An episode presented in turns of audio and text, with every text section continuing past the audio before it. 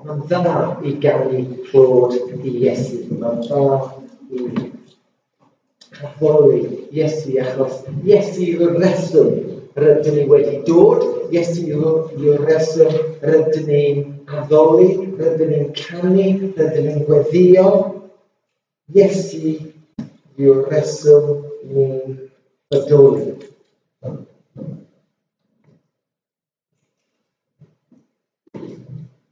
Ni'n gwybod ni, ond fel arfer, dweud y gwir, ni'n byw fel bethau bod ni ddim uh, yn cofio.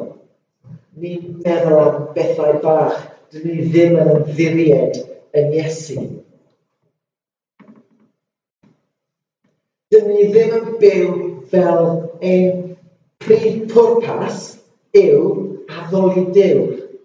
Gogoneddu Iesu. Felly, heno, heno, pimp o gloch, pnawn yma. A rydyn ni'n mynd i ddefnyddio colosiad i, um, i ail-ffocysu ein hunain. So, dau darn, uh, uh, darn cyntaf mewn pum darn. So, darn cyntaf, darn A, Christ. Goriwch pawb a phopeth yn y gredigaeth. So ni'n canolbwyntio ar adnoddau 15-17 yn y dal. Iesu yn ei gredigaeth. Iesu yw delwr creadwr. Adnod 15. Ni'n cofio am Genesis 1 bodau dynol yn, yn cael eu creu mewn delw Dyw. Yn debyg i ddew yn, yn fwysol ac yn ysbrydol. Ond, dyn ni ddim wedi cyrraedd safon Dyw. Ni'n debyg i ddew, ni'n uh, ni creudig, uh, creudigol, uh, creudigol, Rydyn ni'n um, rydyn ni'n teimlo eogrwydd eogrwydd Um, rydyn ni'n rydyn ni'n gallu um, addoli. Rydyn ni'n gallu um, gweld y byd fel mae Dyw yn gweld e, ond dyn ni ddim yn, yn ddigon da. Dydyn ni ddim yn, yn byr fel dim. Rydyn ni angen cael ein hadfer nôl at ddim. Mae adnod 15 yn dweud, hwn yw hwn, gwrs, dwi ddim. Rydyn ni wedi darllen o adnod 15. Dwi ddim yn actually dweud y gael yr enw Christ. Iesu ond ef, uh, mae darn yn sôn amdano. Um, so mae adnod 15 yn dweud, hwn yw delw'r Dyw anweledig, cyntafenedig, yr holl gredigoedd. Fe, Iesu, ydy hanfod, cyfiawn a berffaith Dyw dew ym mhob ystyr. A perffaith yn union fel Duw. A mae Iesu wedi dweud, os dych chi wedi gweld fi, dych chi wedi gweld y tad. Mae fi a'r tad yn un, mae Iesu yn dweud. So mae Iesu yn delw'r creadwr ail, mae Iesu yn cyntaf yn edig garden i fi. Cyntaf yn edig, yr holl greadigaeth. Mae'r gair cyntaf yn edig uh, yn, yn, yn golygu cyntaf mewn amser. Um, so, roedd Iesu um, bodoli cyn i'r ddaear cael ei, um, ei greu. Roedd Iesu yno um, ar y dechrau, yn y dechrau o Iesu, oedd y gair. Ond hefyd, mae, mae Iesu yn gyntaf mewn statws. Um, fel y, y brawd hynaf yn y teulu, yr un pwysicaf uwchlaw'r holl greadigaeth. Mae, mae Iesu uwchlaw, uh, uwchlaw popeth. Daeth popeth um, sy'n bodoli, yn, yn bodoli achos Iesu, trwy Iesu. Mae adnod 16 yn dweud oherwydd ynddo e a creuwyd pob peth yn y nefoedd ac ar y ddeiar pethau gweledig a pethau anweledig, gorseddau, aglwyddiaethau, tywosogiaethau, ac awdodau trwyddo ef ac er ei fwyn ef a mae pob peth wedi ei greu. Dwi Iesu ddim yn rhan o'i greadigaeth. Dwi, dwi'n neb wedi creu Iesu ond roedd Iesu yn dod â phopeth i fodoli. Dyw Iesu ddim, uh, sorry, daeth Iesu fel y gair yn gynnawd. Cafodd y creadwr i mewn i'r greadigaeth. So dole ddim yn, yn run or hide on my doors now before and run or beg my waiting friend. Now, unlike Orange, like Windsor, uh, do the, the every appointment, please wait a minute like Orange or Diane. Um, Ois, ois se, oren, ois, ois miniland, dalam mini-led. So mae'n ma fel um, pensiwn model um, fel uh, y byd llawer o bethau uh, cael eu mas o Lego. Wel, jyst dychmygwch. Um, dychmygwch creu popeth, pob bricen o Lego a roi popeth yn ei le a treulio oriau, dyddiau, misoedd yn creu popeth. A wedyn, bod yn falch amdano fe. A wedyn, neu eich chi yn falch fel, fel person lego. A cerdded o gwmpas. Cerdded o gwmpas. Bod yn rhan o beth yr hyn rydych chi wedi wneud. Dyna beth wnaeth Iesu, creu popeth, wedyn bod yn farch. cerdded o gwmpas yn yr hyn oedd oedd e wedi wneud.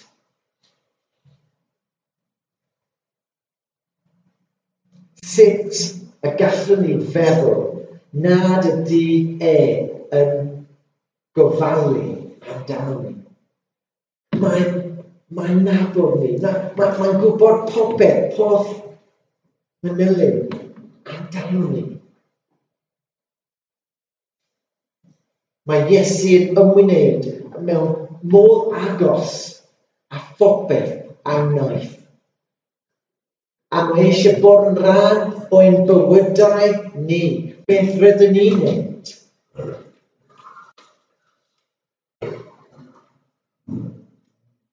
So mae Iesu yn goruchaf yn cym, a cyntafanedig yr holl greadigaeth.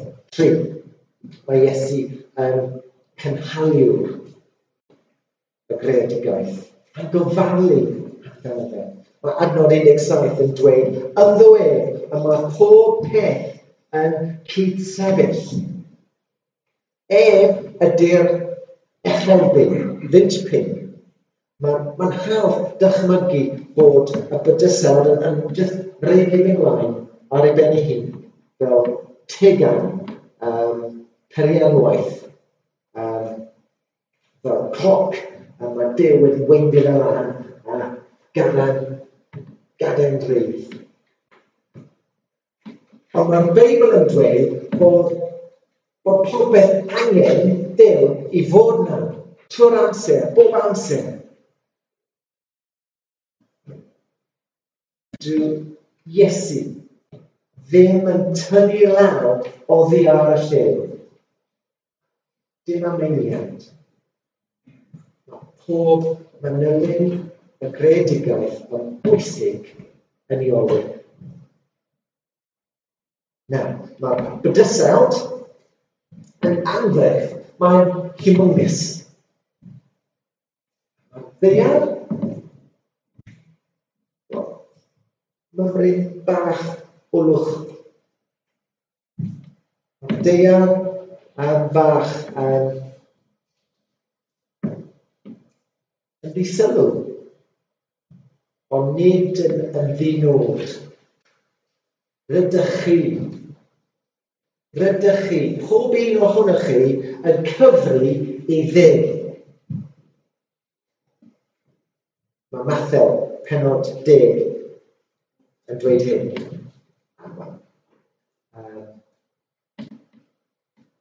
Rydyn ni'n rydyn ni'n gwybod hwn, rydyn ni'n gyfeillgar, uh, gyfarwydd, sorry, rydyn ni'n gyfarwydd gyda hwn. Ond, ydyn ni'n byw fel mae'n yn gywir, O'n i werthu'r dau y deryn, uh, deryn y to yn geiniog. Eto, nid oes un ohonoch yn syrthio i'r ddeir heb eich tad. Amdanoch chi, y mae hyd yn oed, pob glewyn o well eich pen wedi'i rifo. Peidiwch ac ofni felly, yr ydych chi werth mwy na llawer o adar, adar y tŵr. Nid drwy hapasiant y mae popeth yma, nid drwy hapasiaens rydych chi yma. Mae'r cyfan y mae Dyw wedi creu yn bwysig yn ei olwg, a rydych chi yn bwysig yn ei olwg. Pedwar. Iesu yw, yw pwrpas y greadigaeth Iesu'n pwrpas y greadigaeth. Rydyn ni'n mesur hanes y byd a, a blynyddoedd o gwmpas genedigaeth un dim. A nawr, ni'n dweud o dim, um, dim cyn Christ a ar ôl Christ, ni'n dweud o ddiwedd Common Era a, a cyn Common Era. Ond uh, Felly o'r comenera o yn dechrau pan roedd Iesu yn cael ei, um, i gedau i enw. Rydyn ni mesur hanes trwy un person. O gwmpas un person.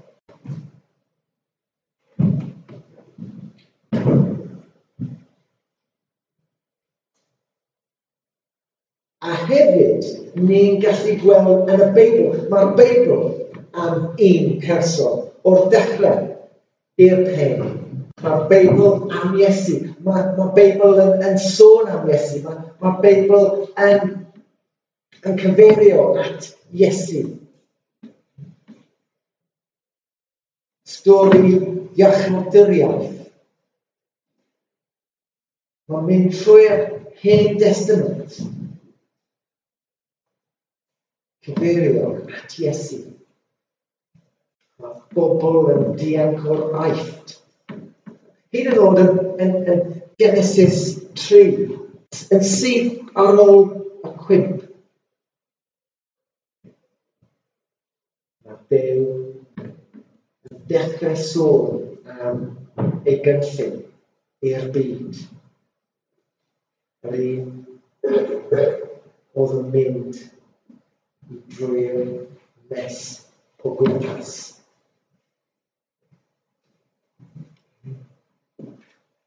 Pwrpas y Beibl, pwrpas hanes, pwrpas y greadigaeth yw Iesu. Gogoneddu Iesu. Roi gogoniant i'r un sydd wedi creu popeth adnodd 16 yn dweud bod y gredigaeth wedi um, ei wneud drwy Iesu ac i Iesu. Drwy Iesu ac i Iesu. Mae hynny yn golygu chi hefyd, bob un ohono ni. Nid chi eich hun ydy'r reswm rydych chi yma. Dydych chi ddim yma i'ch plesio'ch hunain na eich cyflogwr, ffrindiau, teulu, neb arall, rydych chi ar y ddeiar i blesio dew. i roi gyflwyniad i Iesu. A os ydych chi am gyflawni eich pwrpas, byw i Iesu Christ,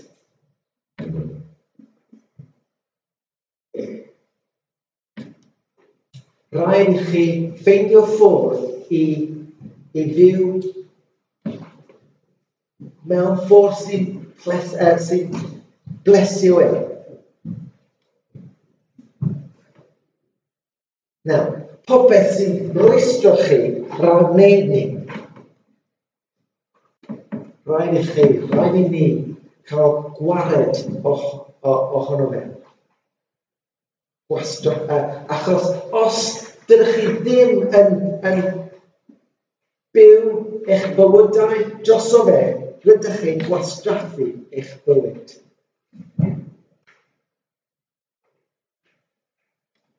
A dyn ni eisiau bod yn bobl sy'n byw fel mae Dyw wedi creu ni i fyw.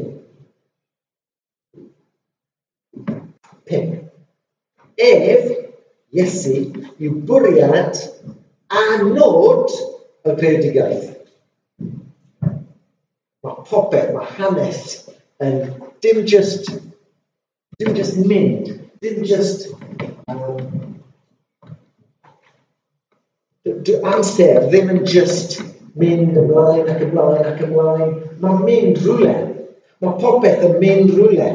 Mae popeth yn mae Dyw wedi rhoi pwrpas i bopeth. A mae Dyw wedi rhoi um, canlyniad i bopeth.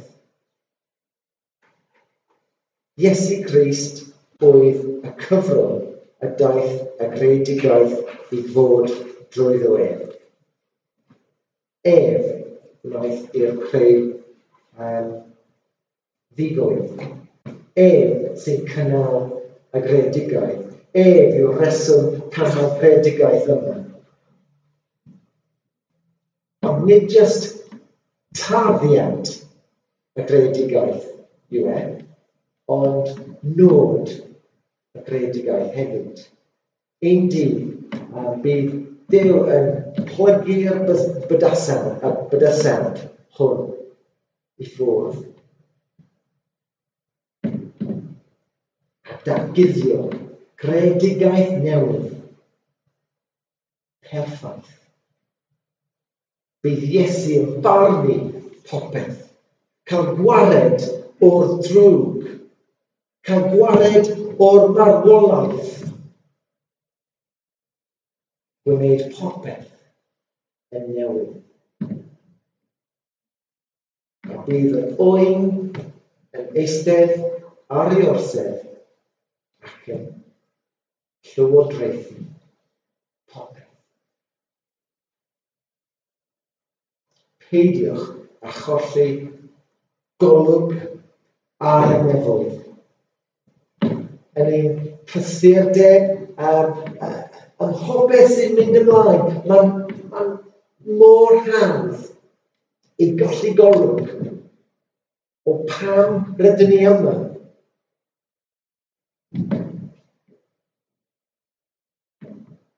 hwn, Iesu, yw dylwedd aneglir.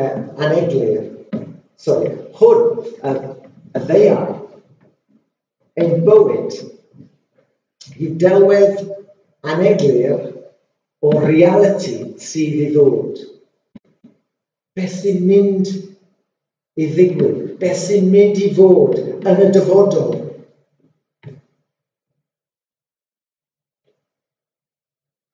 beth ni'n neud sy'n cyfru. gogoneddu Iesu neu beidio. Beth sy'n gyda ni, dyna beth sydd ddim yn cyfri. Ble mae eich calon. Lle mae eich calon, yno mae eich trosor hefyd. Ydym ni'n byw ein bywydau yn ceisio cael y mwyaf posib allan o deg mlynedd a thri gan neu beth bynnag uh, sydd mynd i gael gyda ni. Ni ydym ni'n trysori trysor yn nefoedd. Er mwyn plesio'r un a byddwn ni'n treulio tragwyddoldeb yn ei gwmni. So dyna ni. Rannu, Christ y gorechaf yn y. Yn gyflymach, um, di Christ y gorechaf yn yr eglwys. O amnod 18. Ef, Iesu, yw'r cyntaf i atgyfodi. Dyna beth ni a fi, yn dathlu amser Pasg, atgyfodiad Iesu. Ond mae Iesu yn atgyfodi yn gyntaf er mwyn i ni atgyfodi dod nôl yn fyw a reolau. i fod ei hun yn gyntaf am popeth mae adnod 18 yn dweud. Mae gwaith Sorry. Mae gwaith ryfeddol Christ yn cymodi ac yn caru yn dangos mor feddwl i ef.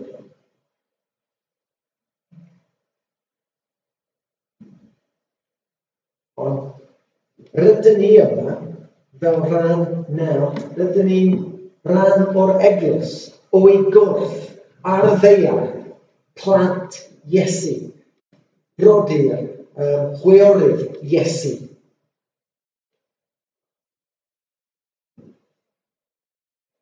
Mae'r byd yma yn just dros dro i ni, achos rydyn ni'n mynd rhywle.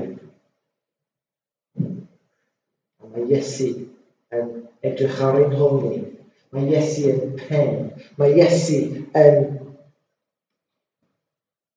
dysgu ni mae Iesu yn tyfu ni.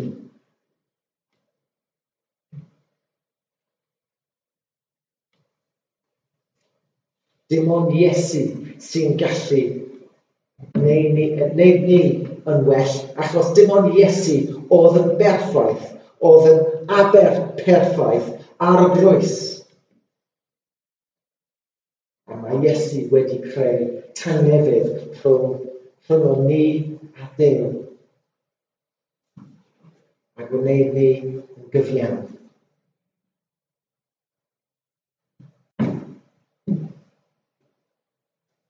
Nawr, rydyn ni yn rhan o'r gredigaeth newydd. Mae'r hen wedi mynd, mae'r newydd wedi dod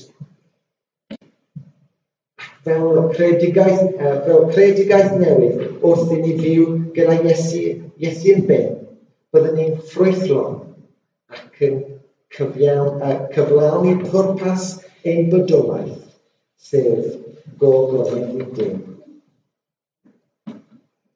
Mae Iesu wedi dod i ni fel Cristnogion. Mae Iesu yn mynd â ni i'r nef. Ond tra bod ni yma, rhaid i ni dweud wrth ba. Dyma ein pwrpas, ein prif pwrpas o Paul yn sôn am yr efengyl. Gobaith Rwy'r gobaith i bawb arall sydd gyda ni. Mae Dyw wedi rhoi gobaith i ni trwy Iesu Christ. A dyna beth mae eisiau i ni wneud. Fel ei gwrth. Fel ei ddeichion. Ei dafod. Ei erioed.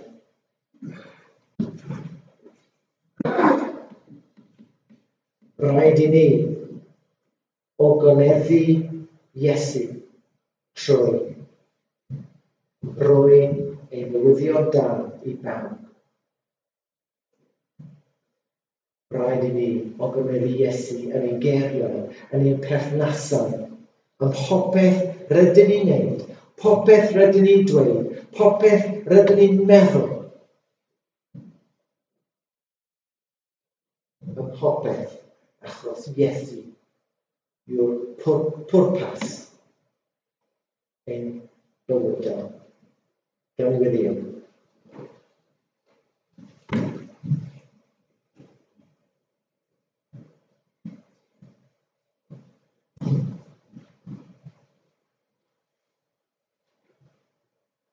Agradecimento. Sim. feichiog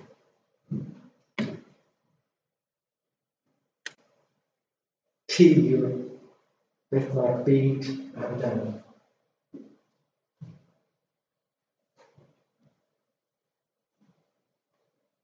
Felly rydyn ni eisiau addoli ti yma yn yr adeilad hon. Rydyn ni eisiau addoli ti yn ein bywydau yn eu cartrefi.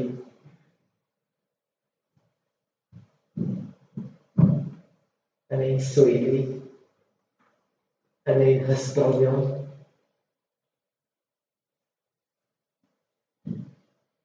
a rydyn ni eisiau dy addoli di gyda pob arw